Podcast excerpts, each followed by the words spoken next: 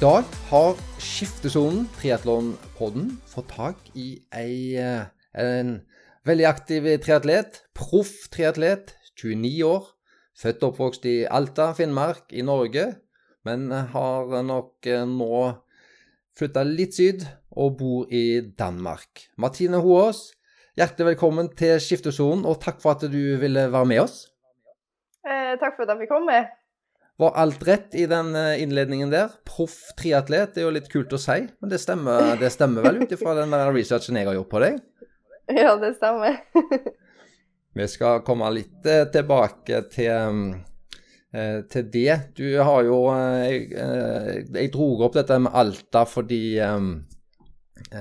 For å prøve å forberede meg litt til at når vi ville snakke med deg, så var det jo egentlig bare til å gå opp i lokalpressen og sjekke Altaposten.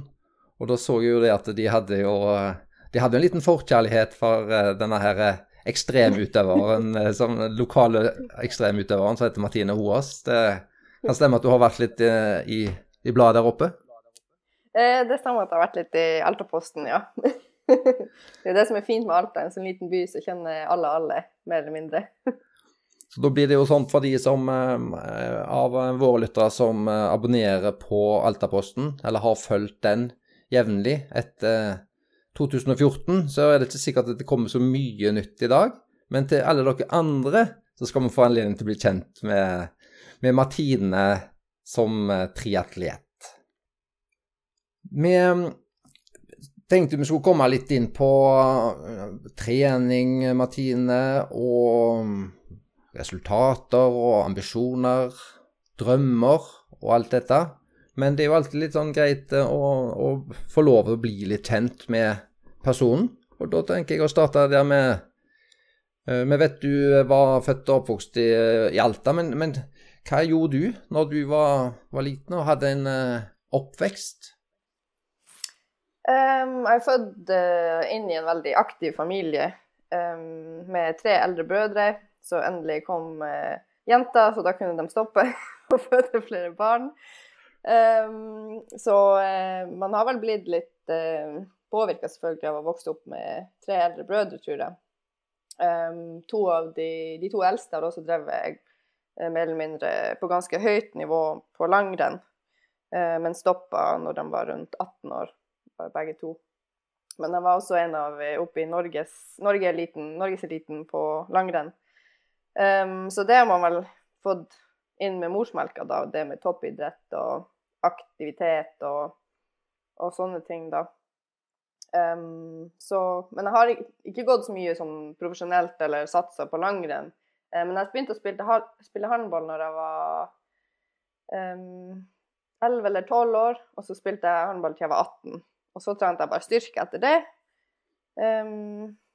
Så det var egentlig ikke så mye som hadde med triatlon Jeg drev med mye forskjellig eh, før jeg begynte med tri, som surfing og kiting og klatring og Jeg bare syns det er artig å, å utfordre meg sjøl litt og prøve nye ting. Så stikkordet kan oppsummeres med at du har i hvert fall hatt en veldig variert og veldig aktiv barn og uh, ungdom. Det var mye aktivitet, som uh, fysisk aktivitet. Mm, men det var mye sånn lek da fram til jeg var 12-11. Så da var det bare sånn lystbetungt aktivitet. Ikke noe sånn organisert idrett eller noe sånt.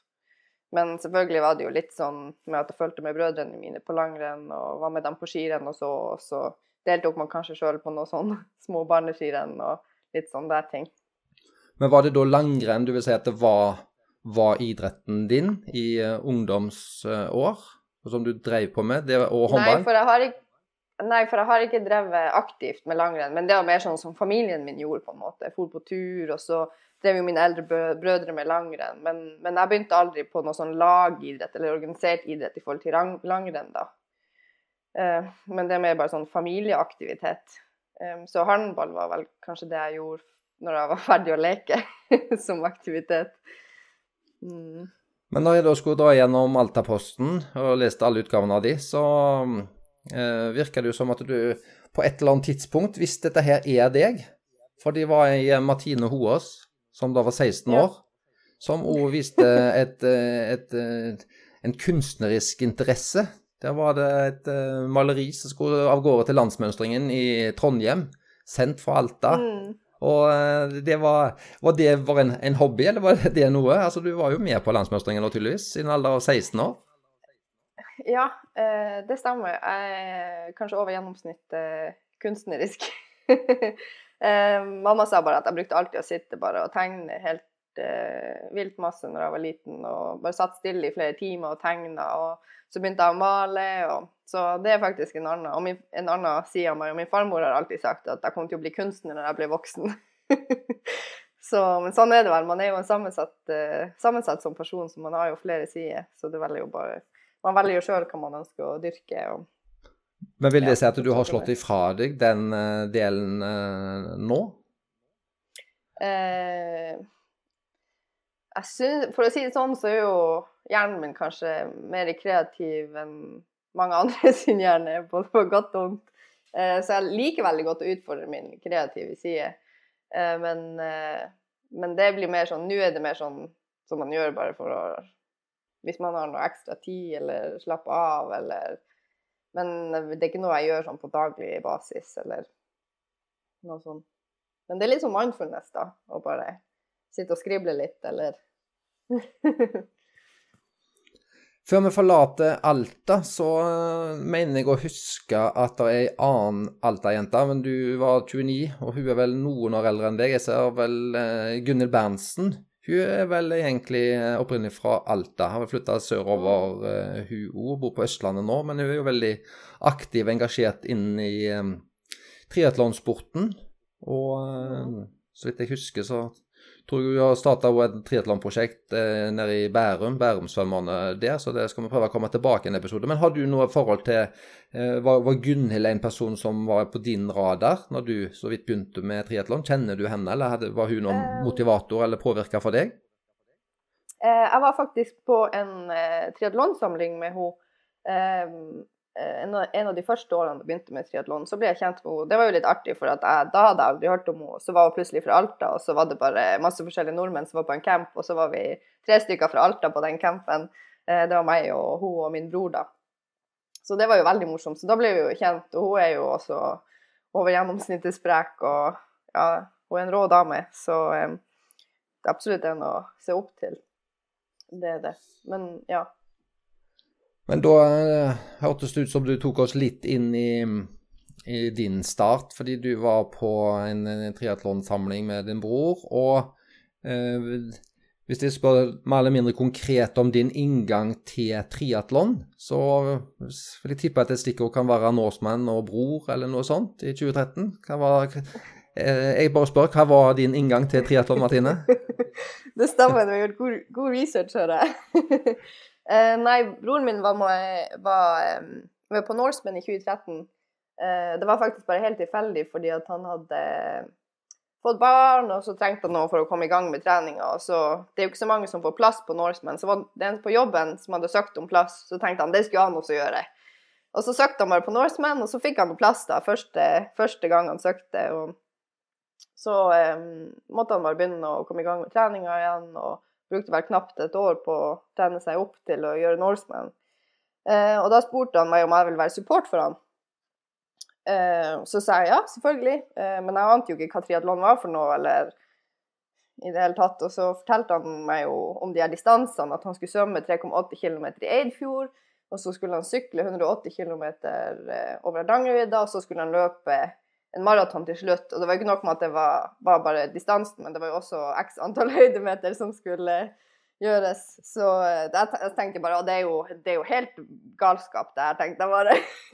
så tenkte jeg ja, ja, jeg skal jo være support. Og så fulgte vi nå han den underveis der, og da tenkte jeg bare det her er helt rått.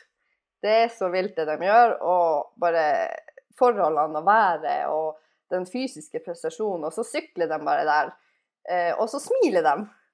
Og så tenkte jeg at det, det, her det har jeg lyst til å prøve. Det, så etter at jeg hadde vært support der, så for jeg bare hjem, og så begynte jeg bare å sykle. Og lærte meg å svømme og begynte å løpe. Og så Ja, så var det gjort. så var jeg i gang. Og husker du eh, opplevelsen med din første triatlon? Var det, var det et, neste år, eller var det rundt de tidene der? 2014, kanskje? Eh, det var 2014. Sommeren 2014, ja. Eh, så det var ett år etterpå. Og eh, det var vel HV3, hvis jeg ikke husker helt feil, som var min første triatlonkonkurranse. Um, og da lurer jeg på om jeg kom på tolvteplass eller topp ti eller noe sånt. Um, så da, da, tenkte jeg bare at det her må jeg fortsette med. Det her har jeg lyst til å bli skikkelig, skikkelig god på. Og så tenkte jeg kanskje jeg har litt den tanken om at det hadde vært kult å leve og bare gjøre det her. og ikke gjøre noe annet, men bare det her. Så eh, det var da det begynte. Men da på denne tidspunktet så bodde du i Alta, så du reiste faktisk ned til, til Hove, til Sørlandet, og, og, og mm. gjorde den. Var du da alene, eller var det et familiearrangement med brødrene dine og sånt òg, eller de, hadde de mer trukket seg tilbake fra triatlon?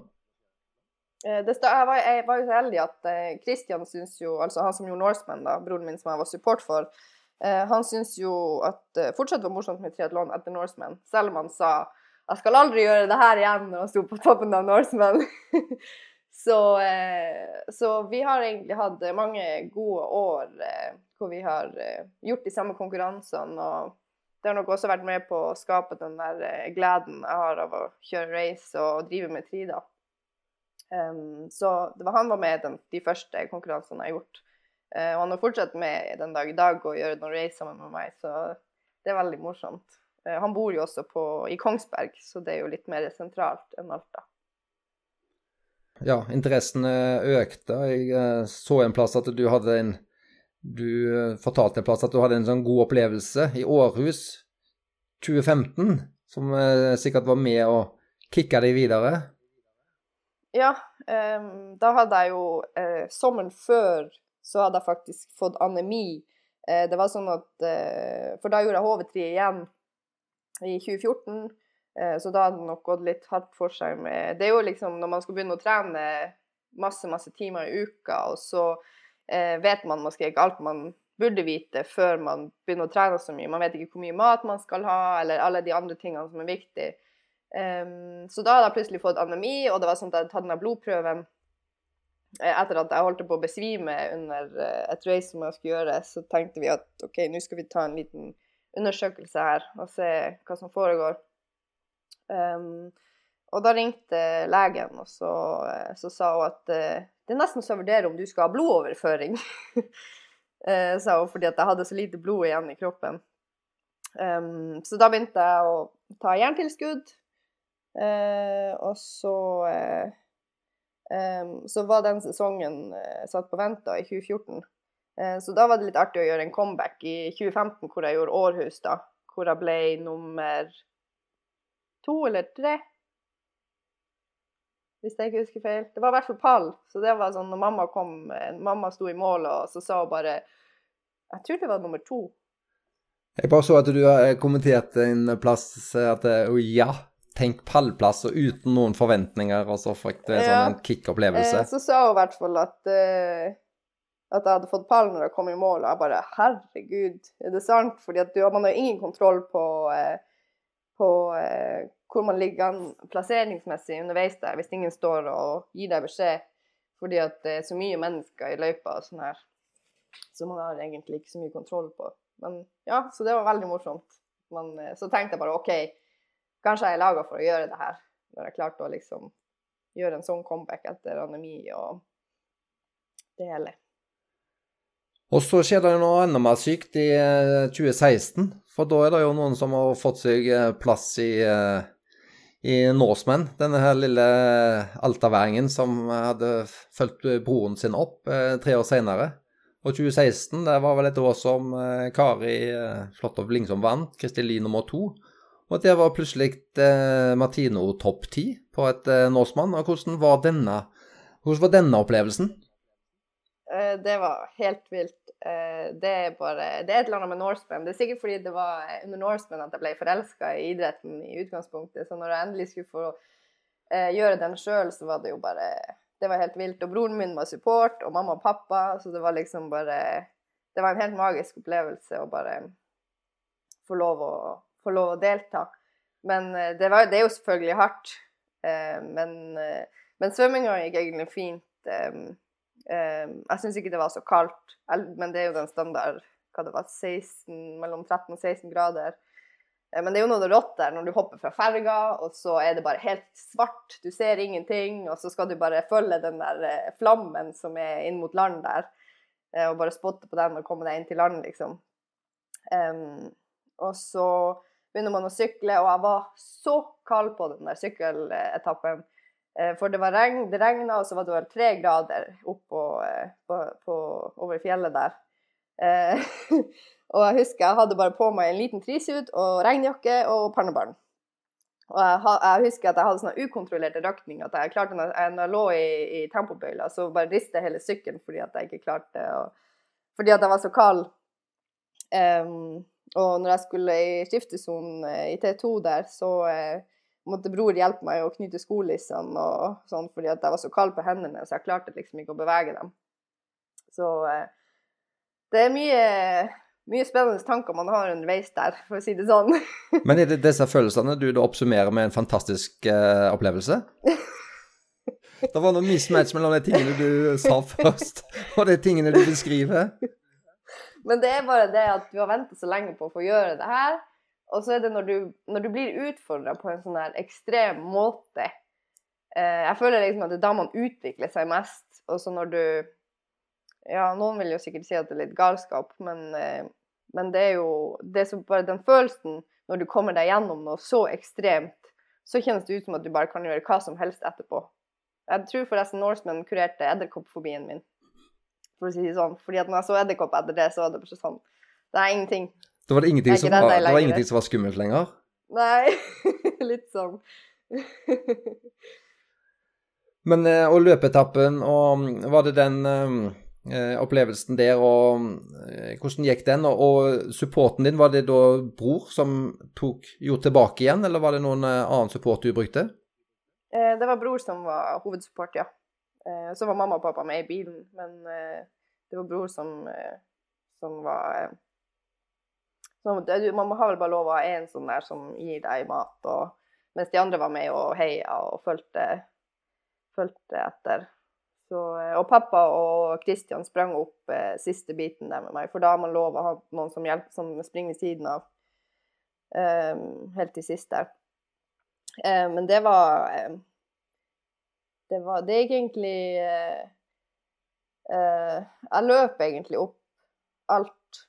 Eh, jeg gikk ikke, stoppet å gå noen plass. Det var noen plass på um, um, det siste der som er litt sånn eh, Hvor det er mye stein og sånn der. Den ura opp der til, eh, opp til Gaustatoppen.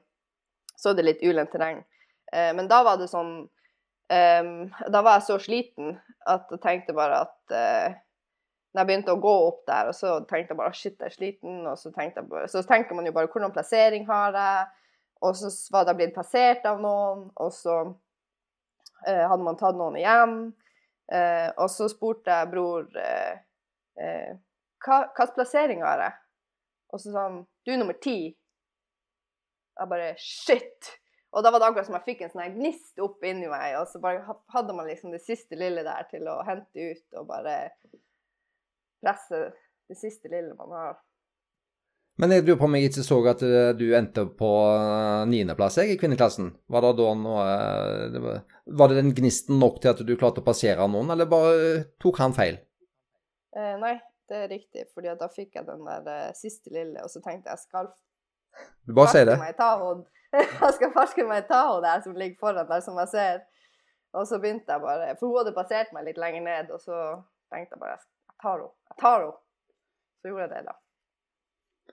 Og her var det ikke bare den store eh, avisen Altaposten som eh, eh, fikk deg med i en reportasje. Sel selveste Hardanger Folkeblad hadde òg en eh, reportasje om eh, din om din Norseman, faktisk, i den 2016.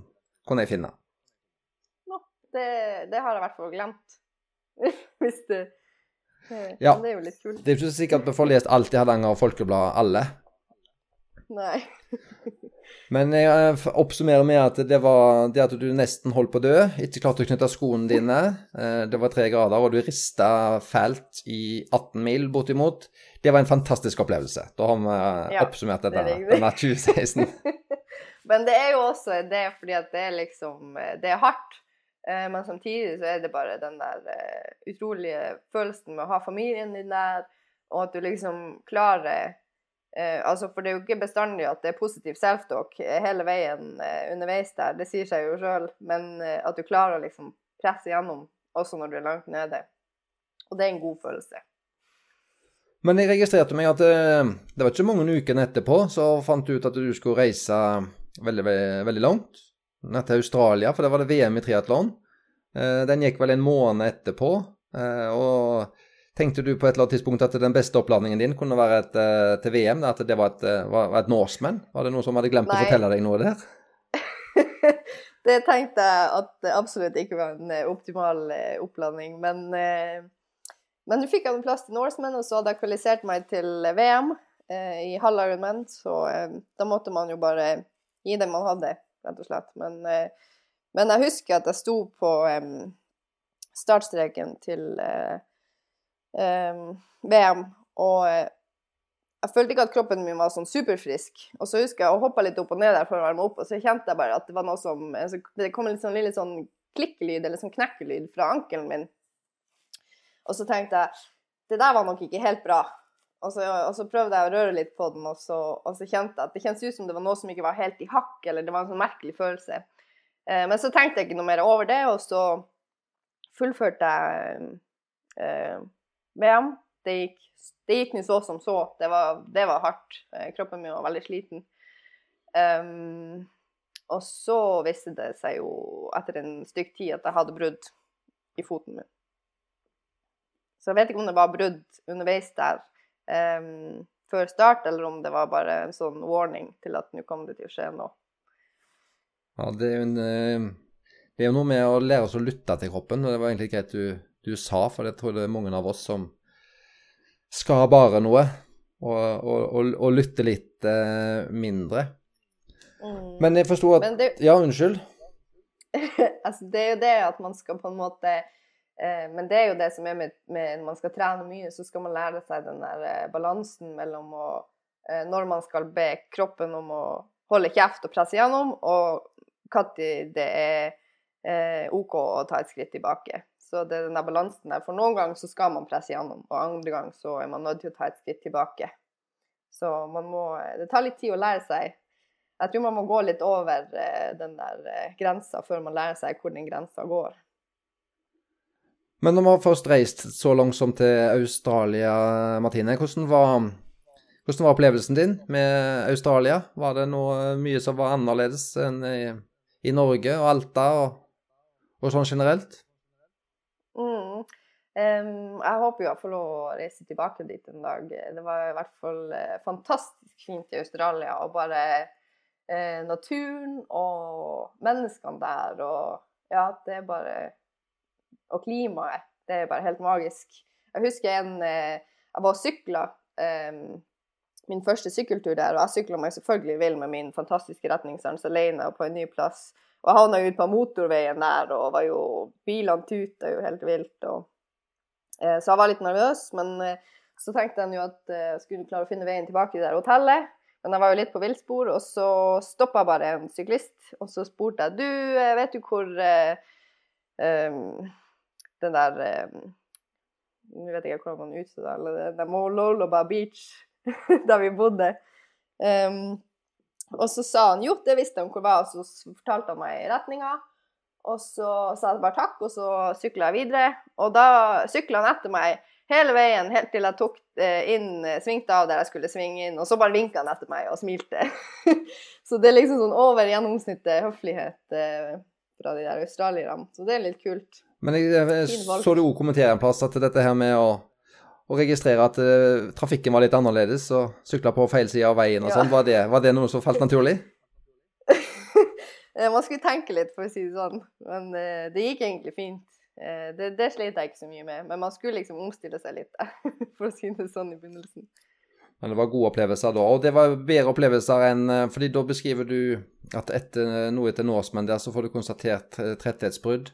Og det går vel utover hele 2017-sesongen din, hvis jeg forsto det rett. Ja, det går egentlig Jeg hadde jeg slet både med, sånn, med foten der og med skader og alt. Eh, eh, I to år. var jeg ute med noen skader, vet jeg. Ja, for hadde du egentlig plass på Norseman i 2017 nå?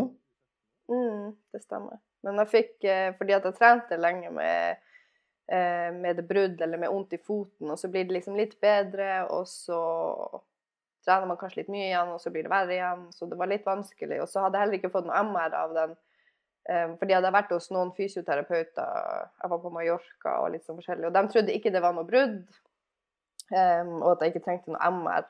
Uh, men nå har jeg lært at jeg skal bare ta MR med det samme hvis det er et, et eller annet. Så det gikk uh, ganske lang tid før jeg tok MR etter at det skjedde et eller annet i foten der. Og da hadde jeg både brudd og eh, beinmargsødem, altså væske inn i beinmargen og sånn, så det tok veldig lang tid for, det, for, det, å hile ordentlig. Uh, men når jeg fikk det MR, så fikk jeg god hjelp fra fysioterapeuten min i Alta til å, uh, til å uh, komme på, på, beina igjen. Så, men da gikk hele sesongen 20, 2017, siden ja. Og hva gjorde du 2018? Var du da i gang? Fordi vi kommer jo til at du etter hvert skada. Du ga bånn gass i starten, og så fikk du en eh, langt skadeavbrudd. Og så fant du ut at det var en kjempegod idé å gå proff i, eh, i 2019 og bare ga gass. Men eh, ja. var, var, det noe til Var du rett fra egentlig til et langt skadeoppbyggingsfase, eller, eller fikk du starta litt, eller litt med ting i 2018 før du gikk proff i 2019? Uh, uh, jeg tror ikke at jeg kjørte noen race i 2018. Hvis jeg gjorde det, så var det bare noen sånne små lokale lokal, mener jeg å huske i hvert fall, hvis jeg ikke husker helt feil. Uh, så det var rett i proff, ja. Eh, jeg tenkte bare at nå hadde jeg venta så lenge, og det var det jeg ville. Og så vet jeg at jeg hadde Jeg var en god age grouper i 2016. Um, ehm, så jeg vet ikke Nivået mitt var kanskje ikke helt der når jeg fikk profflisens, uh, men jeg visste hva som bodde inni meg, og ja, jeg visste hva jeg ville. Og jeg har jo bestandig likt å utfordre meg sjøl, og det å komme sist i proffeltet, det skremte meg ikke så mye. Heller det enn å komme, gjøre det godt i age group. Så, så da, da, var jeg i gang. Jeg føler også at man lærer mer når man gjør noe som er kanskje litt utenfor komfortsonen. Men hvordan vil du oppsummere da 2019? Da altså, da var jo første sesongen som, eh, som proff. Eh, jeg så at du kommenterte at målet for sesongen var å komme gjennom egentlig skadefri. Og eh, gjort deg masse erfaringer og kunnskap. Kom du gjennom skadefri? Og hva slags erfaringer gjorde du deg som det året med å satse proff? Mm, jeg kom meg gjennom skadefri. Um, og altså det er jo, Når man er proff, så konkurrerer man på en litt annen måte, selvfølgelig. Det er litt mer sånn, Du står på startstreken der, og du vet at alle Du starter før alle andre, og, du, og dem som står der, er kanskje ja, alle vet at den er sterk, og liksom det er, annen, det er et annet mer sånn mentalitet i proffeltet enn det er i age group, hvor man stiller opp for å bare ha det morsomt eller gjennomføre eller um, Så det var litt fett å få kjenne på det, da. Jeg visste jo sjøl at jeg ikke var god nok til å vinne enda, eller en, få noen sånn toppresultater, men men jeg tror det er ganske sunt å bare få lov å kjenne på den følelsen, på en måte. Det var jo også mindre press på meg, eller jeg la i hvert fall ikke så mye press på meg, siden jeg visste at jeg enda har noen år med trening før jeg vil være på det nivået som, som på internasjonalt toppnivå, da. Mm. Var det noen eh, eh, eh jeg håper å si hakk i, ikke hakk i plata, men var det noen eh, utfordringer? Var det noe som, som ikke gikk din vei da det første året, eller var det, var det bare fryd og gammen og gøy? Um, det var det, altså, på Marbella der så slo jeg foten når jeg skulle springe ut i vannet, så da fikk jeg en Da hadde jeg skikkelig hevelse. Jeg kunne ikke gå på foten min i en uke der etterpå. Um, men det var det. Um, så var jeg i gang med løping igjen noen uker etterpå, så det var egentlig Det var det mest dramatiske som skjedde den sesongen. selvfølgelig var det jo ikke noe sånn topp ti eller sånn, men jeg så jo at jeg, eh, at jeg ble Altså, jeg utvikler meg jo Mine prestasjoner utvikler seg jo eh, hvis jeg sammenligner med meg sjøl. Så det tror jeg også det er mange som glemmer, at eh, man ikke skal sammenligne seg med alle andre, men, men å se at man sjøl har progresjon. At man sjøl hele tida utvikler seg. Og så fikk du testa 2019 da, som proff, og så skulle du jo sikkert dra til, som mange andre, med sesongen 2020. Og den har jo for mange blitt eh, annerledes. Eh, hvordan ble eh, din sesong? Um, uh, den var egentlig det var egentlig, det var egentlig fint. Um, jeg reiste jo til Mallorca for å jobbe på Next Level Camp, uh, som styres av treneren min og hans kone. Um, skulle være der i tre måneder. Ble sendt gjennom det etter to uker fordi at da var covid brutt ut. um, nei, det var 2021. Med 2021 nå? Nei, OK, sånn var det. Det kan du klippe bort. Nei, den kommer til å stå. Ehm, eh, OK, så ja, så vi ble sendt hjem 2020.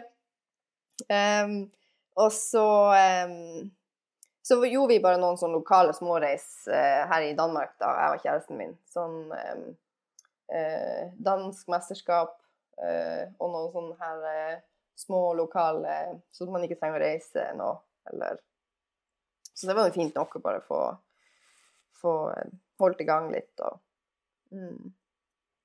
Aalborg triatlon september 2020. Eh, I hvert fall eh, sub fem timer. Og jeg ser jo for meg som er sånn en eh, halvgammel age-grupper, så er det alltid viktig å komme under fem timer. Så det er jo litt eh, deilig å se at eh, arbeidet eh, funker, at en i hvert fall eh, er, kan stabilt komme seg under fem timer. Så, og Ja, du fikk sant. gjort noe i 2020. Det er jo kjekt bare det. Mm.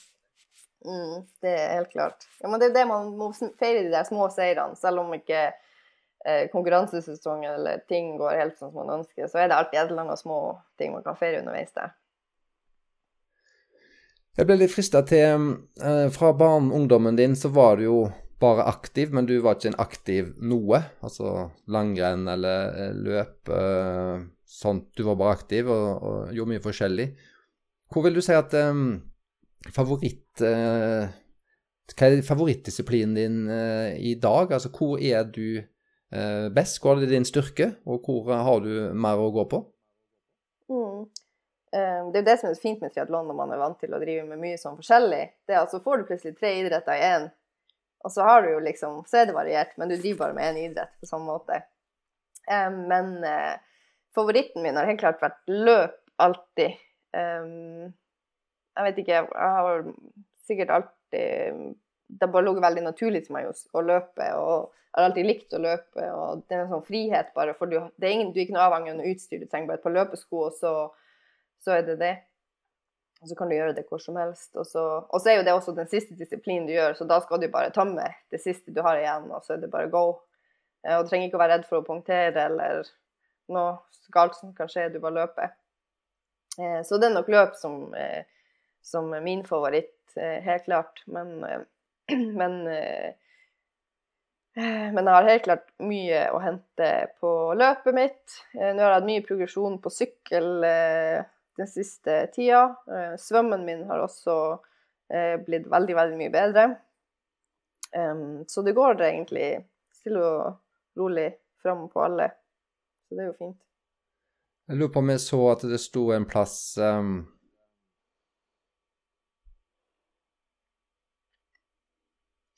Martine Det var på Strava. Martine Hoaas is a cyclist from Alta, Finnmark, Norway. Så da lurte jeg på om at det var det, var det du hadde Dette var Det var det du vil bli eh, kjent som, men det er kanskje noen år tilbake at du har skrevet den eh, statusen? Nei, eh, jeg tror at det er fordi at du ikke kan ha triatlet på Strava. Kan du det? Som alternativ? I hvert fall ikke når jeg For jeg husker at jeg skulle, så sto det at du skulle putte inn idretten din, og så sto det ikke triatlet. Så da måtte jeg bare ta en. Så tok jeg cyclist. Cycling. Det kan stemme godt. Det kan stemme bra. mm. Og for å bli såpass god i alle disipliner, så driver du på mye med trening. Jeg ser at um, du kommenterte en plass uh, Du ligger på ca. 20-25 timer per uke. Hvileuker så kan du komme under 15 timer. Uh, men eh, når vi da lurer på hva som må til, 20-25 timer, hvordan fordeler du den tida sånn, sånn cirka, som et gjennomsnitt i typisk uh, treningsuke? Uh, det er jo ikke jeg som gjør det, det er jo treneren min. uh, men tenker du da bare sånn hvordan en vanlig uke ser ut for meg, eller? Ja, for så vidt. En eh, vanlig treningsuke. Men jeg regner jo med at det, det vil jo variere hvor en er hen i eh, forhold av sesong og utenfor eh, sesong. Men eh, du sa du Mm. likte best å løpe, men eh, sånn som jeg egentlig forsto svaret ditt, så er du relativt jevn. Du har heva deg på, på spesielt svøm og sykkel, Mm. så du er kanskje sånn i triatlonsammenheng relativt lik i de tre disiplinene. Og da lurer jeg på hvordan du fordeler treningstid og, og bygger opp eh, ukene dine. Um, det kommer jo også litt an på sånn, hvor man er, som du sier, og hvor mye trening man tåler um, um, akkurat i den perioden, eller om man har en skade, eller noe sånt. Men nå sykler jeg jo mest. Uh, så løper jeg kanskje minst, og så svømmer jeg. Den svømminga begynner også Da begynner jeg også å tåle ganske mye en del mengde nå, i hvert fall, enn det jeg har gjort tidligere. Men det er også fordi at jeg har hatt litt dårlig teknikk, og så har jeg vridd armen min litt merkelig, og så har jeg fått vondt i skuldra, og så er det ingen som har sagt til meg det, og så har jeg svømt sånn i fem år, og så plutselig så er det sånn Å! Det er sånn det gjøres. Um, så da, når man gjør ting riktig, så kan man jo også tåle mer eh, trening. Um, så det varierer egentlig veldig eh, hvordan, hvordan ukene mine er bygd opp. Em, Vi er jo i en opp, oppbyggingsperiode nå. Når vi spiller dette her, så er vi i mm, februar, siste del av eh, februar. Så det, jeg vil tro at det vi fortsatt er, har litt uh, mengde. Og begynner vel å nærme oss forhåpentligvis sesong, men uh, fortsatt mengde. Og uh, kunne du tatt oss igjennom ca. Denne, denne uka, forrige uke, neste uke eller noe sånt? Ei sånn uke? Er det doble økter, triple økter? Er det én disiplin om dagen? Er det hardt? Bare lett? Mm. Langt? Hva Mm. gjør du? Eh, nå har jeg de siste Nå har jeg hatt fire uker faktisk eh, med veldig god, eh, eh, god trening. Det har vært egentlig OK mengde på, ca. 20 timer hver uke. Jeg er ikke så mye oppe på 25-timerstallet nå for tida. Så det er ca. 20 timer i uka. Og så har det vært mye høy intensitet, faktisk. Mye sånn maks. Men det er veldig morsomt. Jeg liker egentlig å, å kjøre maks. Jeg syns kroppen min eh, kroppen min er veldig på når jeg kjører mye maks. Hvis man kjører mye rolig, så føler jeg at man blir litt sånn Man blir litt sånn, lang, sånn langsom, på en måte. Eh, men kroppen min kjennes i veldig sharp ut når jeg, når jeg kan kjøre maks, og når man husker på å spise nok og sove nok, og sånn, så klarer man også å restituere nok til at man kan eh, kjøre en del eh, hardt. Så har jeg ca. Um, tre til jeg skal, skal vi se, jeg skal sette opp training peaks her, så skal jeg se um, Så er det ca. kanskje fem harde økter i uka. Fordelt eh, på er eh, 20 timer. Men er det fordelt på to ganger sykkel eller to ganger svøm, som er de harde? Eller du har ikke fem av alt? Uh, nei, det er Skal vi se, her er det eh, Du starter på en mandag, og Mandag så er det løp, eh, svøm og styrke, og da er eh, det ganske Da er det maks svøm. Tirsdag så er det lang sykkel eh, med aerob, eh, aerobe så det vil si at du skal Det er ganske sånn eh, Altså, det er ikke for hardt. Det er ikke sånn at du får syre i beina, men du, det er sånn steady pace. Eh, og så er det sånn OK hard svøm, ganske langt og ganske hardt. Eh, onsdag så er det tre timer sykkel med sweet spot-drag. Eh, og så er det en eh, sånn rolig, progressiv svøm. Eh, tors tirsdag, nei, torsdag så er det 90 minutter rolig sykkel, eh, rolig løp, rolig svøm. Fredag så er det maks Det er min favoritt. Laktat Heaven heter den. det er bare seks ganger seks minutter maks på løp? på sykkel. På sykkel. ja. Eh, og så er det bare 30 minutter styrke. Søndag, nei, lørdag så er det hard svøm, eh, rolig løp. Og på søndag så er det to timer eh, aerob sykkel. Så du har fem dager å svømme i uka. Det var vel ingen svøm fredag og søndag? Ja, det stemmer. Ja. Så vi er egentlig heldige som får svømme nå, for jeg vet det er mange som ikke har fått svømme denne perioden. Um, når det er lockdown. Og så beskriver du at du, du, du bodde jo i Danmark. Hvordan er det med sykling der? Sykler du nå primært utendørs, eller er det ruller og Swift og sånn type ting dere gjør? Jeg sykler faktisk eh, inne. Eh, det er noen som, eller det er noen som sykler ut der hele året. Um, men jeg sykler inne. Jeg liker egentlig å kunne være god og varm, og liker ikke når jeg må ha på meg sånn fem lag med klær for å være varm. og så liker jeg også å ha følelse i tærne mine. Det syns jeg var litt deilig. Så jeg sykler for det meste inne på ruller, ja. Eh, til det blir sånn 10-12 grader pluss. Eh, så er det sånn at da kan jeg begynne å lukte litt på å dra ut og sykle. Det høres kanskje merkelig ut siden jeg er fra Alta og er vant til å kulde og sånn der, men, eh, men eh, jeg føler at jeg har fått min del med kulde. Sånn eh, ti grader er jo sommertemperatur i Alta. Det er jo en grunn til at du flytter sørover. Ja, sant. Det, det og, og, og, løpingen der, gjør, gjør, gjøres den nå mest inne nå, eller prøver du å få den ute? Uh, den løper jeg bare ute, fordi at alt er jo lukka ned. Alt er jo stengt med, med gym og ja. Så alt må gjøres ute av løp. Men ellers så kan jeg godt like å løpe på Sorry hvis jeg snakker litt merkelig, men det blir sånn dansk innimellom. dansk oppbygning. Eh, men ellers eh, så syns jeg det er fint å løpe inne egentlig også, for det er veldig sånn kontrollert. Og hvis du skal løpe intervall, så er det også fint, for da kan du bare justere tempoet opp og ned sånn som du vil. Eh, men en variasjon er vel det beste, både inne og ute. Hvis det ikke hadde vært denne pandemisituasjonen, ville du trent rundt i Danmark da, eller ville du prioritert sånn type treningsleirer og sånt? Er det noe som du er Eh, er vant med å, å foretrekke. Eh, jeg har forstått det sånn at du har en eh, kjæreste som er ganske aktiv og, og, og satser, så dere er jo to der. Så ville dere, Hadde dere vært mest i Danmark, eller ville dere reist uh, mer? Uh, Nå holder jo han på med det siste, siste innspurt til å bli fysioterapeut.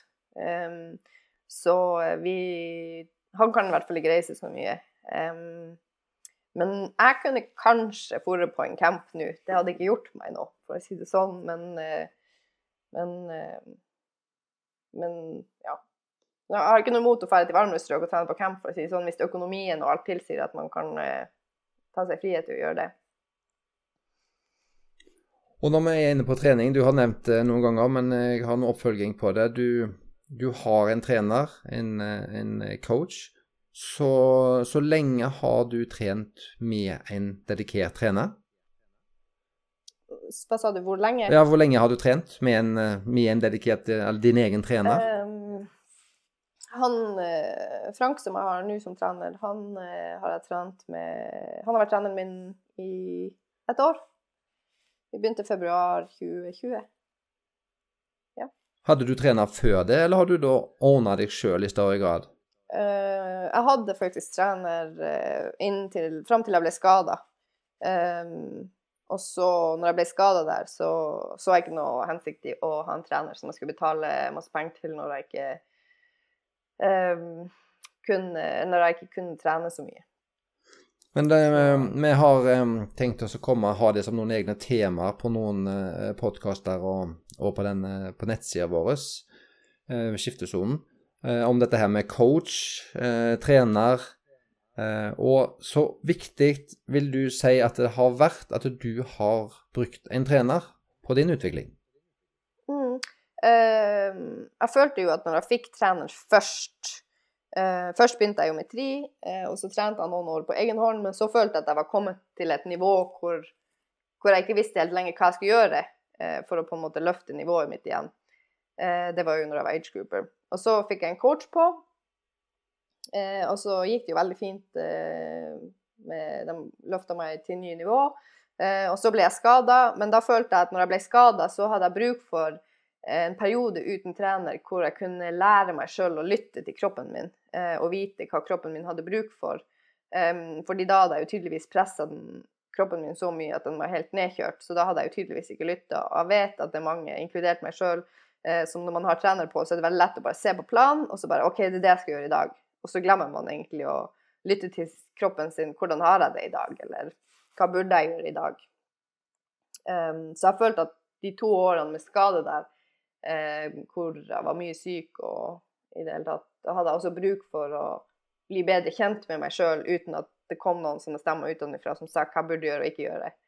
Um, men så når jeg var, følte at jeg var kommet på Hadde lært masse med å bare trene meg sjøl og kommet litt i gang igjen og um, Ja, så følte jeg at uh, nå skulle jeg ha en uh, virkelig profesjonell trener som uh, kunne hjelpe meg dit jeg ønsker å være så godt som mulig og så kjapt som mulig. Mm. Men hvis jeg tenker høyt, eh, det med å ha en trener som Hvis vi tenker den første perioden din der Det er, kommer jo sikkert litt an på hva slags forhold dere to hadde, så nært dere samarbeidet, eh, og hvor nært han fulgte deg opp. Men er ikke noe av poenget med å ha en coach eller en trener nettopp det å ha en mer korrekt totalbelastning? Tenke òg forebyggende og bygge opp kroppen din så godt og så raskt som, mm. som en klarer da, med å finne den totalbelastningen. Er ikke det litt av konseptet med å ha en coach? Mm. Eh, men det finnes jo masse forskjellige typer coach. Eh, den første coachen som jeg hadde, så fikk jeg én månedersprogram. Eh, og så gitt jeg en sånn tilbakemelding. Jeg vet ikke om det var en gang i måneden eller noe sånt. Eller var det en gang i uka? Det husker jeg ikke. Jeg tror det var en gang i måneden. Eh, og så var det også for det meste via mail, og det var liksom ikke så tett oppfølging. Men det er jo sikkert også fordi at hvis man ikke velger de dyreste eh, Altså det er jo noen som er sånn som har færre utøvere, men som tar mer penger og kanskje ringer deg hver dag. og så har du andre som, som, er litt mer sånn Det er personalisert, men kanskje litt mer sånn masseprodusert. Eh, så jeg følte jo liksom at nå når jeg tok coach på nytt, så skulle det være en eh, som følger meg opp sånn sånn ordentlig. At jeg liksom får den der personlige oppfølginga. Og hvor eh, han Frank da, han går, er jo liksom eh, ikke bare i forhold til trening, men også totalbelastning i forhold til arbeid, eller hvordan man har det mentalt, og hvordan man har det eh, hjemme, og hvordan man har det på jobb, og liksom bare alt, for alt spiller jo inn på treninga. Så det er jo det jeg føler at det er fint med den treneren som jeg har nå. Så ja, din erfaring Det er jo ikke nødvendigvis en fasit, men jeg tenker jo at den erfaringen din er at det, det å ha en tettere knutning, tilknytning til treneren kan være en fordel, og at du i hvert fall må være ekstra obs på å kjenne og lytte til din egen kropp hvis du bare har en sånn, et månedsprogram som bare er spytta ut med masse ulike trening uten å finne den totalbelastningen. Men så mye dialog og kontakt har du med den treneren din nå? Er det, snakker vi daglig, ukentlig der? Uh, vi snakker ukentlig, ja. Um, mm. Kanskje han, daglig av og til hvis jeg har bruk for det. Og da gjør dere aktivt justeringer der, gjennom dialog på, på både økter og, og mengde og mm. belastning? Ja. Og så får jeg bare en uke om gangen, og så snakkes vi hver uke for å vite hvordan vi skal gjøre det neste uke. Om jeg har bruk for å ta et skritt tilbake, eller om vi kan øke litt, eller mm. Det tar oss jo egentlig litt over fordi eh, altså dette med eh, skadeforebygging og restitusjon. Og du har jo gjennom de historiene du har fortalt, så har du jo fortalt om vondter med lavt blodnivå, anemi og tretthetsbrudd og flere vondter i skulder fordi du svømmer litt skeivt eller gjør noe. Men eh, de, de, eh, skadene du har hatt, altså hvordan har du blitt eh, kvitt dem? Altså, har du da eh, gjort noe aktivt? Du, er det behandling? Har du bare venta på å bli god? Er det styrke, stretching? Hvordan har du angrepet skadene dine, og hva, hva vil du anbefale å, å gjøre når en da får vondter?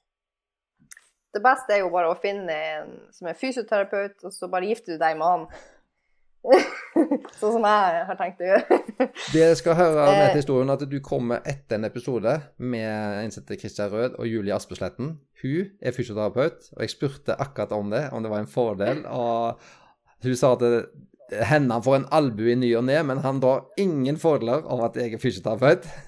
Annet enn at vi kan diskutere det. Så han fikk en albue i ny og ne, og det kan jo leses på flere måter. Så, okay. Men da kan du enten gifte deg med en, ja, Uh, punkt én? nei da. Eh, nei, det var mest for morsomt. Men eh, Um, nei, men han er jo fysioterapeut, så uh, det er jo selvfølgelig en fordel med å bo sammen med en fysioterapeut, for hvis det er et eller annet, så kan han hjelpe meg med det med det samme. Um, og det hjelper jo selvfølgelig på, men uh, men uh, hva var spørsmålet igjen? Jeg bare, Din erfaring med På hvilken måte har du blitt god etter skader? Har du fått behandling, eller har du bare tatt pause? Eller har du mm. bygd opp, uh, gjort styrketrening, forebyggende trening? eller på, Hva er din erfaring med, og hva vil du anbefale folk å gjøre når de begynner å få vondter eller har fått en skade? Uh, altså, jeg har jo gjort alt. Både styrketrening, eh, hvile, fysioterapi.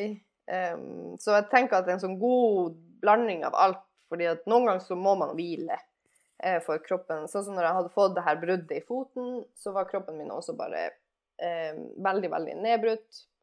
Eh, sikkert fordi at jeg hadde pressa den i lang tid, så når jeg først slappa av, så ble jeg bare Jeg, fikk, jeg husker jeg bare Jeg tror jeg fikk alle influensaene og alle forkjølelsene som gikk. Det var bare sånn, det kjentes ut som jeg var syk i flere måneder etter hverandre.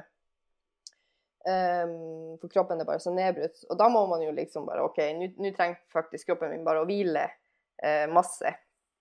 Så må man bare lytte til det.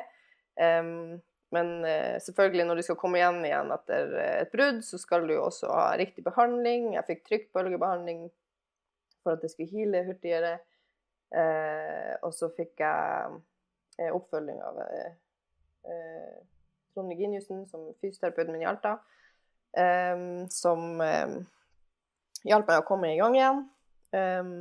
Så det er jo på en måte Og selvfølgelig styrketrening er jo også alfa og omega for at du skal styrke svakhetene dine i kroppen. Og styrketrening er også viktig for beinhelse og, og sånn. Og så i en periode hvor du kanskje ikke kan svømmesykle og løpe så mye, så er det også fint å, å trene mer styrke. Men det vil jo også komme perioder hvor man kanskje ikke har bruk for å trene så mye styrke igjen. Uh, så det er liksom ikke noe fasit på det, og det må også alle huske på når det kommer til trening og skader og alt sånt her, at uh, det som er riktig for meg, er ikke nødvendigvis riktig for deg. Eh, og noen har kanskje bruk for å trene mer styrke enn andre har. Jeg vet det er mange triatleter som ikke trener styrke eller noe i det hele tatt. De stretcher ikke eller noe, men de er aldri skada.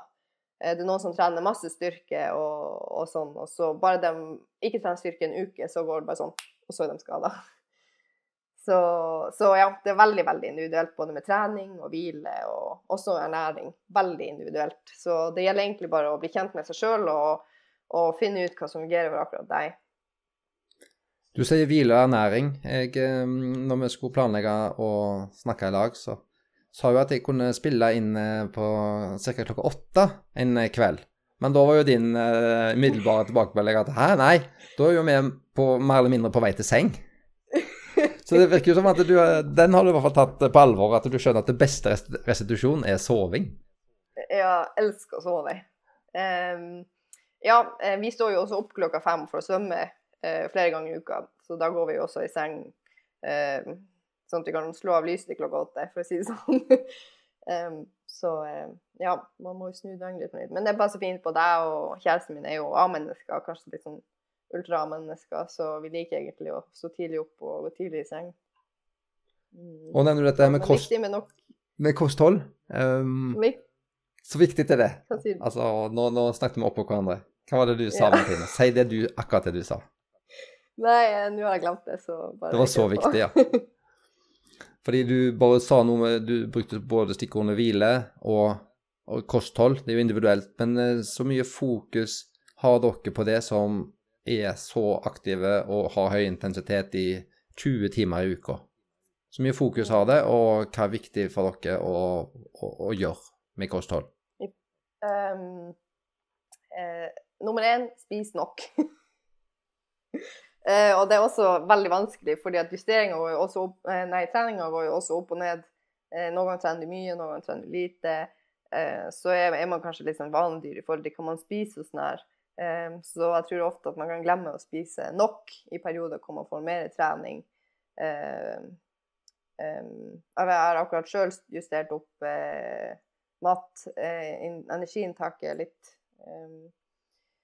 Uh, og det er jo underverker i forhold til trening og restitusjon, så man blir aldri utlært i forhold til kost og ernæring.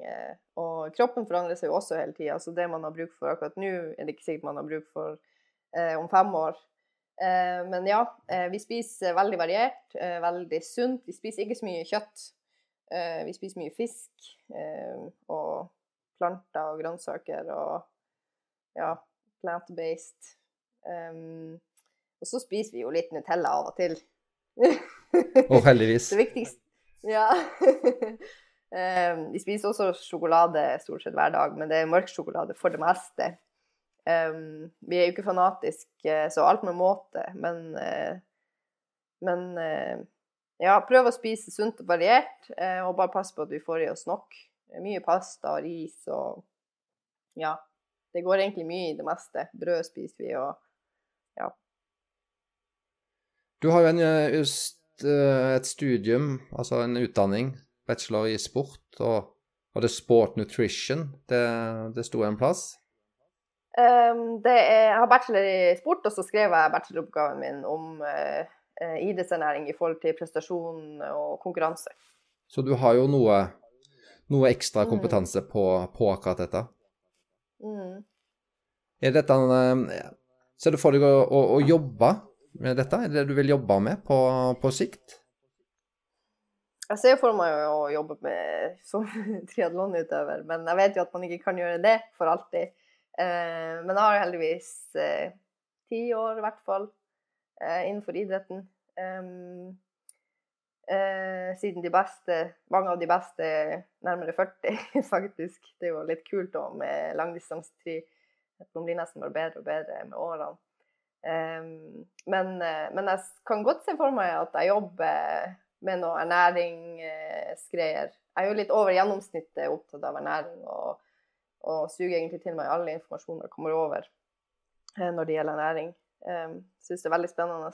Så ja, jeg kan godt tenke at jeg kan jobbe med idrett og ernæring eller noe i den duren. Men nå er jeg jo også nesten selvutdanna fysioterapeut, siden jeg bor sammen med en som snart er fysioterapeut. Så blir det en sånn side effect. Jeg visste jo at du hadde noe kompetanse innenfor um, ernæring og sportsernæring da når jeg spurte spørsmålet. Så når jeg hørte at du sa at uh, vi spiser nok sjokolade omtrent hver dag, så kjente jeg at jeg ble sånn skikkelig glad inni meg helt til du måtte legge på denne her um, forferdelige tingen mørk sjokolade. I Norge så er det at en lys Freia melkesjokolade er perfekt, men uh, kanskje ikke ernæringsmessig optimalt.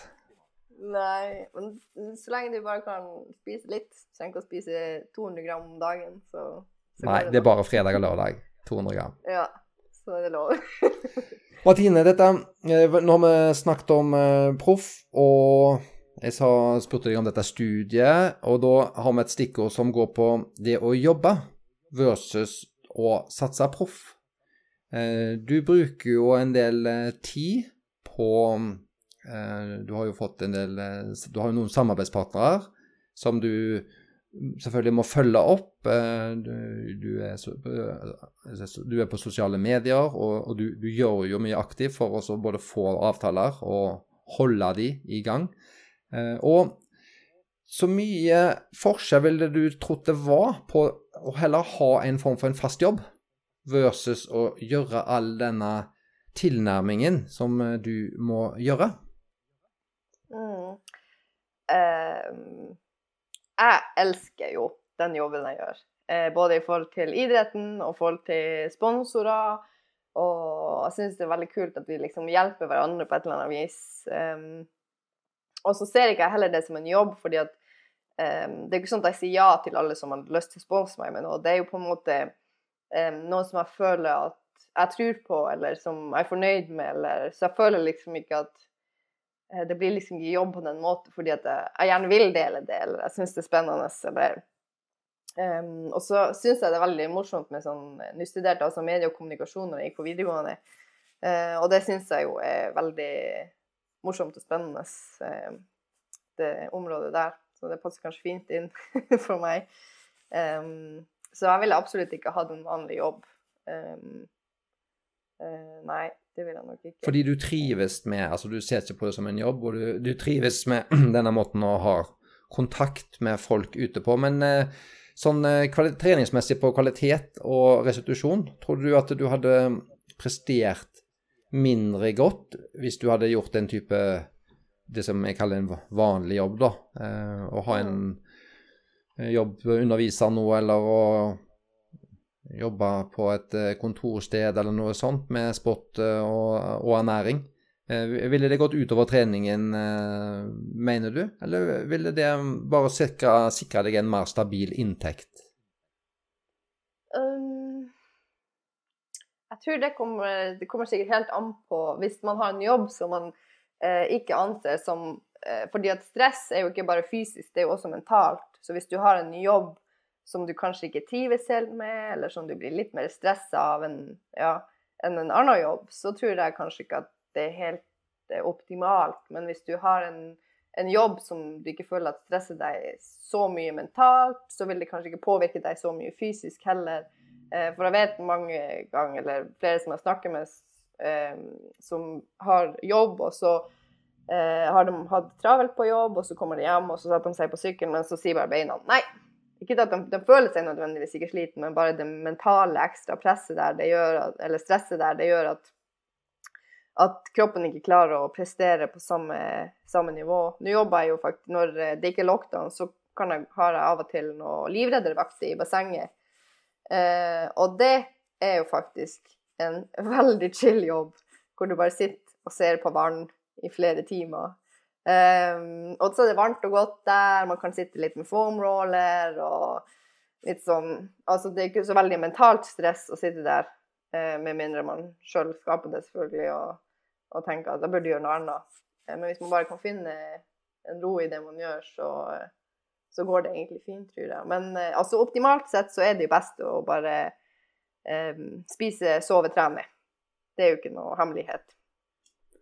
Det er ingen hemmelighet, uh, uten at du uh, snakker noen tall. Men når du jobber og har fått samarbeidspartnere, så lett eller vanskelig føler du det er å få ut eh, Hva er din erfaring med å få ut noe å, å leve av? Altså kroner og, og, og, penger versus å få mer utstyr, som i eh, altså alt fra næring og klær til praktisk utstyr. altså sånn En vet jo at mange syns kanskje det er lettere å få det utstyret, kanskje lettere enn penger. Men din totale opplevelse av eh, Så vanskelig er det å få tak i noe å leve av? Um, jeg tror at jeg er veldig veldig heldig fordi jeg er fra en liten by som heter Alta, hvor alle kjenner alle, og alle ønsker bare det beste for alle og vil at folk fra Alta skal lykkes. Um, så jeg tror jo at det er lettere for meg å få uh, økonomiske sponsorer siden jeg er fra en sånn liten by. Um, for jeg vet jo mange som er fra større byer, eller sånn, så er det mye vanskeligere fordi at folk bryr seg ikke på samme måte. Um, så Men ja, så jeg, jeg, føler meg jo veldig heldig som er fra, som er fra en sånn eh, liten, koselig by. Uh, og det Altaposten også, ønsker å skrive om deg eh, masse, masse? Hva sier du? Og det som Altaposten ønsker å skrive om deg masse, masse? Ja, sant. Um, men i forhold til Det er nok det er nok helt klart lettest å få utstyrssponsorer. Det tror jeg jo. Eh, men til gjengjeld, så hvis du får noe utstyrsspons, så har du jo på en måte mer eh, Altså du slipper jo å bruke penger på å kjøpe utstyret, da. Så det er jo, det er jo litt nesten det samme. Og når du da ellers bare skal bruke tida di på å sove, trene og spise, så er, det, så, så er det jo klart det ligger mye i utstyr. Da trenger du ikke så mye annet. Mm. Men du må jo bo, og du må jo spise. Ja, sant. Eh, det, men det er stort sett det vi bruker penger på. Det er bo og spise. ja. Altså, du, du har da Din erfaring er at det har gått Det at du er fra en litt mindre plass, tror du har hjulpet at du kan få inn noe økonomiske midler? Mm. Det var godt å vite, for da Det tenker jeg i hvert fall. Eh, og det er den erfaringa jeg har når jeg snakker med andre også, som driver med idrett på høyere nivå. Drømmer og mål, Martine. Du skal jeg kunne tenkt meg også fått noen drømmer, og så noen realistiske mål. Så er det du Du pusher jo for så vidt mot begge, men eh, hvor er vi hen? Hva vil du? Regner med at eh, du kommer til å si kona, men uh, uh, ja, det Go det. for it. Hva, hva er målsettingen de neste årene, og hvor skal du hen? Um, uh, Nå begynner jeg jo å få litt resultat i forhold til treninga mi. Jeg har jo også en veldig dyktig coach. Um, um, så jeg tenker jo fortsatt at jeg har uh, Han har sagt ett år til med trening før liksom Før det begynner å bli noe sånn godt profesjonelt nivå. Um, og det tror jeg at jeg er enig i. Uh, men, uh, men, langtidsmålet er jo, som du sa, Kona. kvalifisere meg til Hawaii der. på fulldistanse. Um, men i år um, så er det nok eh, halv distanse som jeg kommer til å satse på. Det er litt kult hvis man kan bli Når man kan bli skikkelig kjapp på halv distanse. Og så kan man ta det med seg inn til fulldistanse. Også at du på en måte har jobba deg opp sånn at du tåler den mengden som kreves for å gjøre en fulldistanse. Men langtidsmålet, det er helt klart kona. Og, og det å kunne bli god på internasjonalt nivå. Mm. Og 2021-2022, er det noen um, konkurranser og sånn som du har sett for deg på veien der? Og som Ja, det er jo mål. Delmål, mål. Um, for i år og til neste år, tenker du? Ja, sånn, når vi skal følge deg uh, videre, hvor skal vi lete hen? Hvor, uh, hvor er du med? Uh, skal jeg finne fram raceplanen her? så har jeg en raceplan, så hadde du jo Ja, ja. Det skal vi se. Uh, Challenge Herning det er jo den første uh, race i år. Den går 12. juni. Um, så får vi bare krysse fingrene for at den blir. Eh, Challenge Vannsbro. Challenge Turku. Silkeborg, som er dansk mesterskap i Hall. Eh, ellers så har jeg faktisk sett litt på Coastman, som er norsk mesterskap i hall. Nei, men det skulle være sånn full distanse i år, tror jeg. Eller? Ja, det var jo halv i fjor, fordi det har jeg ikke sjekka før du spurte. Det hadde jeg tenkt å eh, spørre deg om. Jeg ville, ville gjerne hatt deg her. eh, ja, fordi at jeg vurderte jo Det var jo sykt kult å se på eh, norsk mesterskap i fjor der når det gikk. Eh, det var veldig artig også når man kjenner så mange som er med. Um, men vi får se litt, for uh, det går ca. Coastman går ca. Nei, det, det, er NM Coastman i halv, ser jeg skrevet ned her. Ja. 22. august er det satt opp til. Mm. Uh, og det er halvdistanse. Vil det si at uh, det kan komme inn på planen din 22. august, eller krasjer det med noen av de andre tingene? Eller hva må du da ta vekk? det blir enten NM, da, eller, eller DM som dansk mesterskap. Det, går, det, er en uke imellom dem, så vi får se hvordan, hvordan det Om det eventuelt blir en liten ferie opp til, til nord. Ja, Korsmenn er vel på Nordvestlandet, da? Ja ja, men fra Danmark så blir det jo nord. Ja ja. Men kan du bli Det var et dumt spørsmål. Du, du, du, kan vel ikke bli danskmester, men du får lov å være med i mesterskapet? Er det sånn? Eh, hvordan eh, Nå, hvis jeg hadde adresse i Danmark i ett år, så mener jeg faktisk at jeg kan bli danskmester. OK.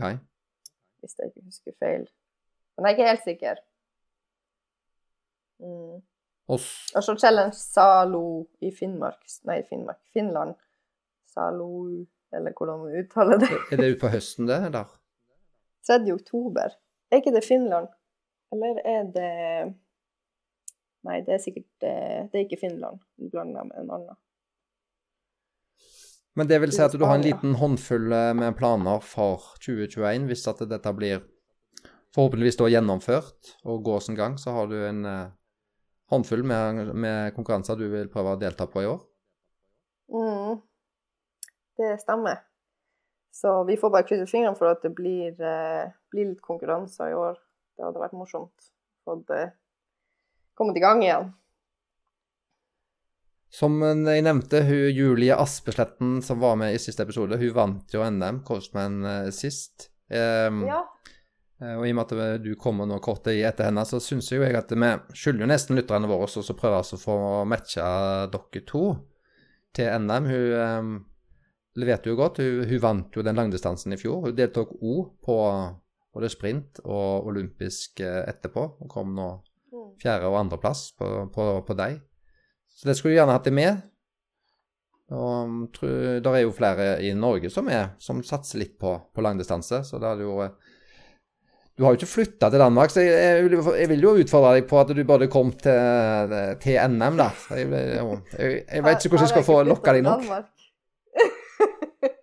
ja, vi får se. Jeg skal ikke si ja, men, eh, men, det hadde vært kult. Det hadde vært uh, veldig kult.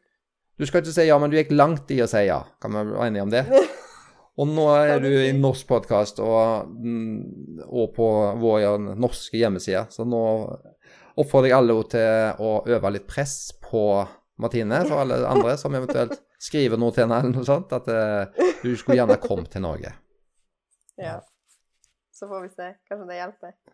For de som har uh, lyst å bli litt uh, bedre kjent med deg, Martine, så foruten at de har hørt på dette, så forstår jeg at du da er en del eh, aktiv i sosiale medier. Eh, en egen YouTube-kanal. Stemmer? Det stemmer. Hvor finner en den? Søker en bare på Martine Hoas? Martine Hoas, ja. One and only. Hva er målet med, altså Så ofte legger du ut ting her, og hva inneholder den? Og hva er målet med denne kanalen? Uh, jeg er ikke så veldig flink på YouTube enda. Um, men uh, det inneholder litt forskjellig. Nå har jeg nå bare sånn innblikk i trening, og så er det noen sånn uh, styrkeøvelser og ja, diverse. Er det opplæring, eller er det mer se meg? Mm, ja takk, begge deler. er det Da er kanskje en annen plass som er enda lettere å se hva du gjør? Instagram, er, er du? Mm. Og kontoen ja, der er jeg ganske aktiv. Kontoen heter den eh, Martine Hås, eller noe? Rett, Martine Hås. Rett og slett Martine Hås. Andre sosiale medier som du bruker? Facebook. Martine Hås triatlet, tror jeg den heter. Og så eh, har jeg en blogg eh, som det postes noe på av og til. Men det er kanskje den jeg bruker minst. Så Instagram og Facebook, eh, det er dem jeg bruker mest.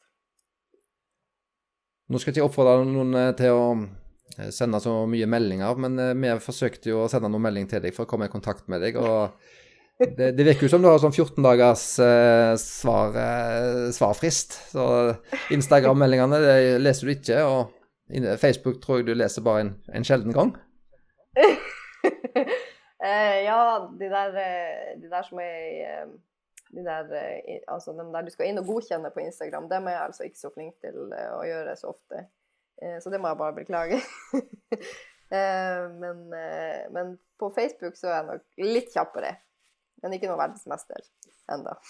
Nei, du, holdt, du, klarte i hvert fall å holde oss litt, i, litt i spenning. fordi når folk ikke svarer, ja. så er det enten fordi de ikke har sett det, eller fordi de gir blaffen. Ikke interessert i det hele tatt. Og det at vi fikk deg med og ble litt uh, kjent med deg, det, det var i hvert fall veldig, veldig, veldig kjekt. Det var veldig hyggelig at jeg fikk lov å være med. Ja, takk eh, for at du var med. Og eh, vi har jo sikkert mye vi kunne ha spurt deg om, og sånn, men nå føler jeg at vi har fått uh, blitt ganske godt kjent med deg. Vi vet hva du har gjort, og vi vet om skader, og vi vet hva du skal gjøre, som bl.a. er da NM i Norge i august.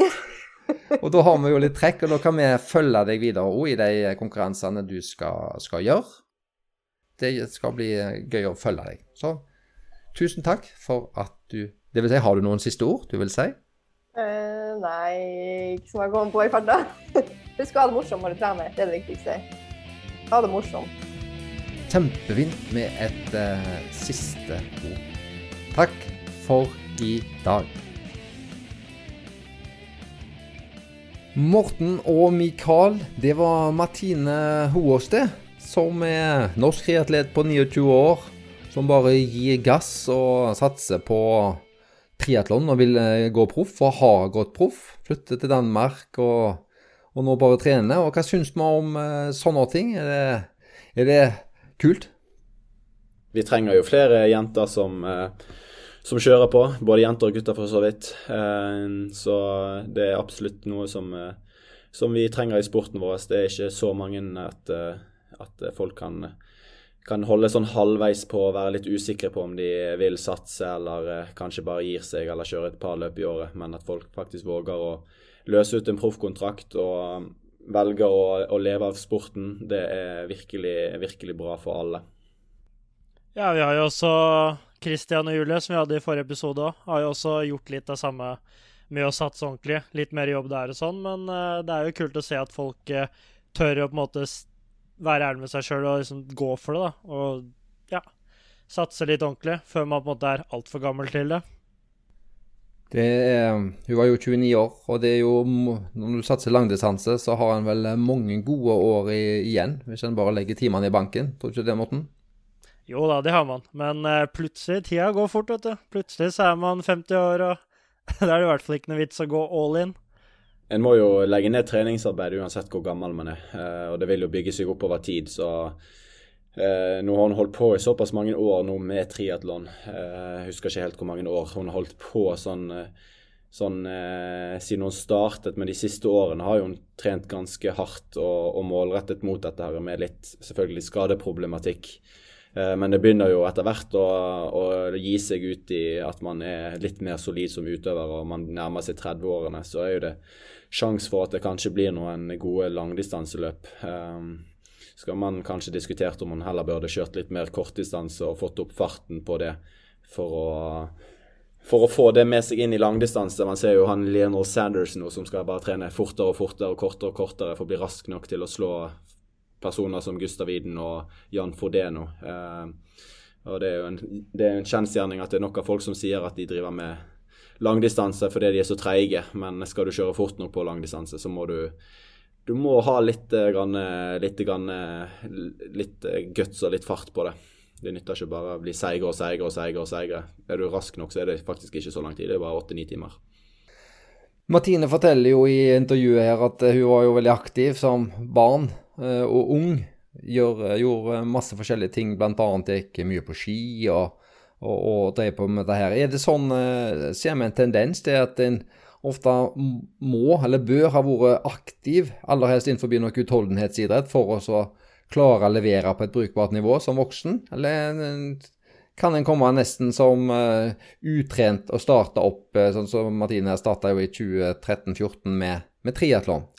Det er jo faktisk ikke noen fasit på det, for det, kom, det kommer helt an på, på hvilken innstilling du har til det, og ambisjoner. For det kan jo måte gå begge veier. da. Har du drevet med det siden du var ung, så kan du også være litt mer lei. Men hvis du aldri har vært der, så kan det være så spennende og nytt at måte, du, du, har lyst til å legge mye tid og energi i det. Da. Så jeg tror ikke det er noen fasit der. Det, det, tror jeg kan gå begge veier. Vi hadde jo Julie og Christian. De hadde jo uh, Julie drevet med håndball, og Christian har drevet med litt kampsport. Sant? Og det er innendørsidretter uten altfor mye eh, lang intensitet, for å si det på den måten. Da. Uh, så jeg tror ikke heller det er noe fasit på det. Det er vel rett og slett bare sånn at en del nordmenn driver med langrenn og eh, har, sin, har langrenn og fotball som sin sånn oppstartsidrett, og så fortsetter man med det. Men eh, som Morten sier, jeg tror ikke det heller er noe fasit sånn sett. Man er jo veldig forskjellig som personer, og det er vel kanskje Sånn at det, det, er der de største forskjellene kommer, kanskje ikke nødvendigvis bakgrunnen. Men skal man bli fryktelig god, så hjelper det nok å ha, ha vært relativt god og trent relativt godt i den idretten man holdt på med. Det sa jo Julie og Christian òg. De har ikke akkurat vært sånn halvveis med på trening to ganger i uken. De har jo trent skikkelig når de har trent. Og det er jo en god del flere langrennsutøvere som har trent skikkelig enn eh, kanskje en helt tilfeldig håndballspiller. Og det kan jo også hjelpe hvis du har drevet med idrett i yngre år det med struktur og på en måte at du kanskje veit litt hvordan du skal bygge opp et treningsprogram. Da. For det er jo kanskje noe som de som ikke har noe som helst bakgrunn fra det, kan slite litt med. da. Gå på litt flere skader og på en måte bruke lengre tid på å komme ordentlig inn i den rutinen. Så. Nei, jeg tror Det er vel nok en liten fordel å ha de rutinene, men uh, samtidig så tror jeg også at de som finner gleden i seinere år, kanskje har enda mer guts for å gidde å gjøre det. Og Morten hun forteller jo om sin opplevelse på Norseman, når hun gjorde den i, i 2016. Den enorme følelsen av å delta. Så hun sier at det var jo både iskaldt og, og langt, men likevel så ga det et kjempekick og en stor opplevelse.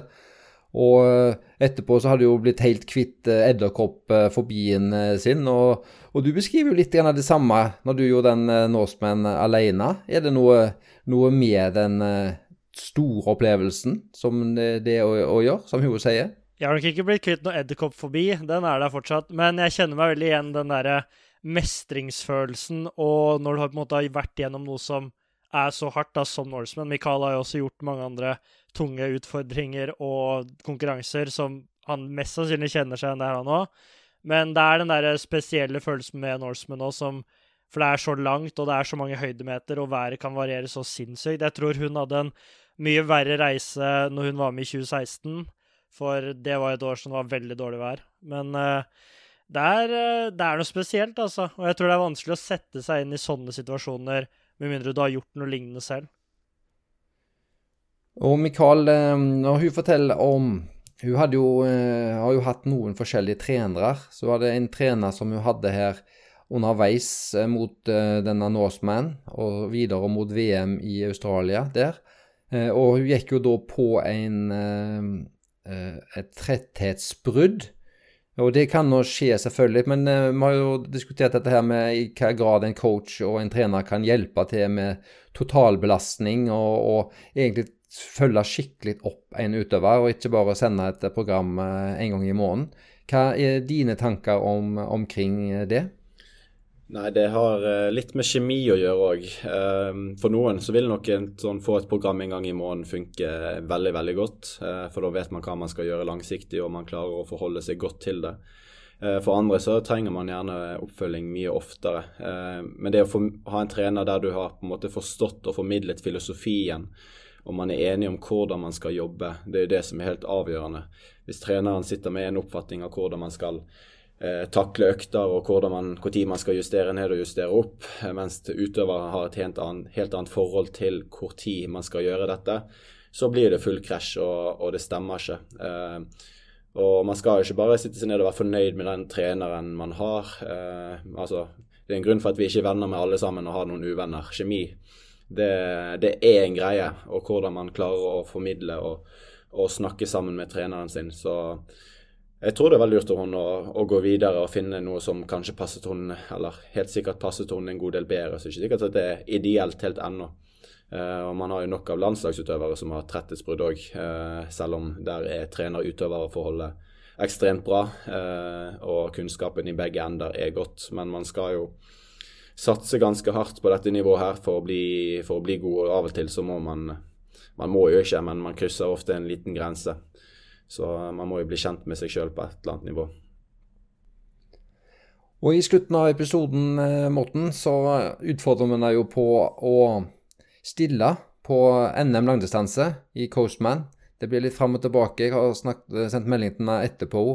Der, der, vi virkelig har jo lyst til at hun skal stille opp både mot uh, Julie, som vi hadde i forrige episode, og andre gode norske jenter. Altså at vi kan begynne å bygge opp en liten sånn uh, Hva skal vi si? Ikke en feide, men uh, i hvert fall en liten kamp med flere profiler som er i ilden. Hva tenker vi om, om det? Bør vi ikke fortsette presset og få alle våre lyttere til å hinte at du bør være med? Jo, jo, absolutt. Det er jo, vi trenger jo noen sånne fights, og Julie har jo også veldig hårete mål når det kommer til langdistansekarrieren sin. Så da er det veldig gøy å se en bra fight der med begge i form, ikke noe skader og god treningskontinuitet. Så vi, vi trenger noen sånne. Jenter har jo altfor mye konkurranseinstinkt, på, vil jeg si, på godt og vondt. Uh, så det kan jo være at de ikke tør å treffe hverandre. Jeg tror kanskje det er så problemet. Um, så det må de klare å legge litt fra seg. Så må de tenke egenutvikling. Uh, og hun Martine er jo uh, fra oppe i Nord-Norge, så hun er jo erkenorsk så må vi virkelig kjøre det norske mesterskapet. Ikke reise ned til Danmark og kjøre noe eh, sånn flatt piss der nede. Så eh, komme seg ut på Coastman, få møte de eh, østlandsjentene. Sette de litt på plass. Og så blir alle gode venner, og så fortsetter vi å satse hardt. Uten at det blir sånne tullete greier i etterkant. Det, det, er det som kommer til å skje. Håper ikke jeg tråkket på noen tær nå. Nei, du har i hvert fall rett i at eh, hun har nordlandsblod i seg, men at hun har da vitterlig flytta og bor nå i Danmark, så eh, hun er jo begynt å bli litt vant med sikkert både bedre klima og litt eh, snillere kultur. Så kanskje hun har mista litt av hardheten sin, som, eh, som opprinnelig har. Det virker sånn, altså. Ja. Nei, det var i hvert fall en fin Ja, jeg skulle ikke si det var en fin episode. Det var i hvert fall kjekt å få bli bedre kjent med Martine der, og vi håper vi får høre mer om henne når konkurranser og sånt eh, starter opp. Da er vi ferdig med denne episoden, og neste episode, eller nå framover, Mikael, hva slags eh, innhold ser vi for oss i skiftesonen? Nei, Vi satser vel på at det blir en litt sånn drøseepisode i neste episode. Vi tar for oss litt lytterspørsmål og ting som har skjedd i det siste. Så folk må bare sende inn spørsmål til oss, enten til oss privat eller på skiftesonen.no sin Instagram. Der er ingen som er enige om hvem som skal svare, så ingen får med seg noen ting som helst. Ja så det skal vi klare å plukke opp og ta med oss videre. Så send spørsmål inn til oss hvis dere har noe dere lurer på. Så enten så blir det kanskje en hel episode i framtiden, eller så tar vi det kjapt og enkelt i neste episode. Eh, vi har fått inn litt, og det er ganske kjekt, så vi har noe på tapetet der, så det ser vi fram til. Og så som sagt så blir det litt sånn eh, drøs på det som vi har på skiftesonen.no, og litt ting som har skjedd. Det har jo vært konkurranser i helgen som var forrige helg, og det kommer konkurranser i framtiden nå i Miami, eh, så det er mye å ta tak i. og det spent på om vi har nok eh, minne, minne, til å spille inn neste episode, for den eh, blir lang. Og her er det ingen dumme spørsmål. Her er det bare å spørre om hva som helst. Uansett om det er om oss som driver skiftsonen, eller om det er om andre utøvere som vi kjenner eventuelt. Her er det bare å fyre løs, så skal vi ta det med i neste episode. Men du antyder at vi òg ville snakke litt om eh, saker som nå er blitt lagt ut på denne nettsida skiftesonen.no.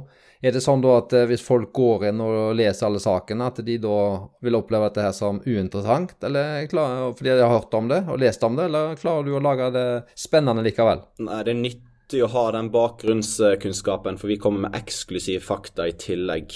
Eksklusiv fakta kun på skiftesonen Triatlonpodden. Eh, så det å ha lest seg opp og ha litt, eh, litt background information der, det vil absolutt hjelpe i i uh, kommende episode. Hvis ikke så må man da kanskje lese seg opp i etterkant av det som man hørte på neste episode. Da tror jeg at vi ikke overdriver hvis vi sier at det blir eh, masse spennende triatlonstoff uh, framover. Takk for at du var med oss på denne episoden med I skiftesonen med Martine Hoås, og med litt pisspreik fra Mikael og Morten til slutt. På gjenhør. Ha det. Ha det bra.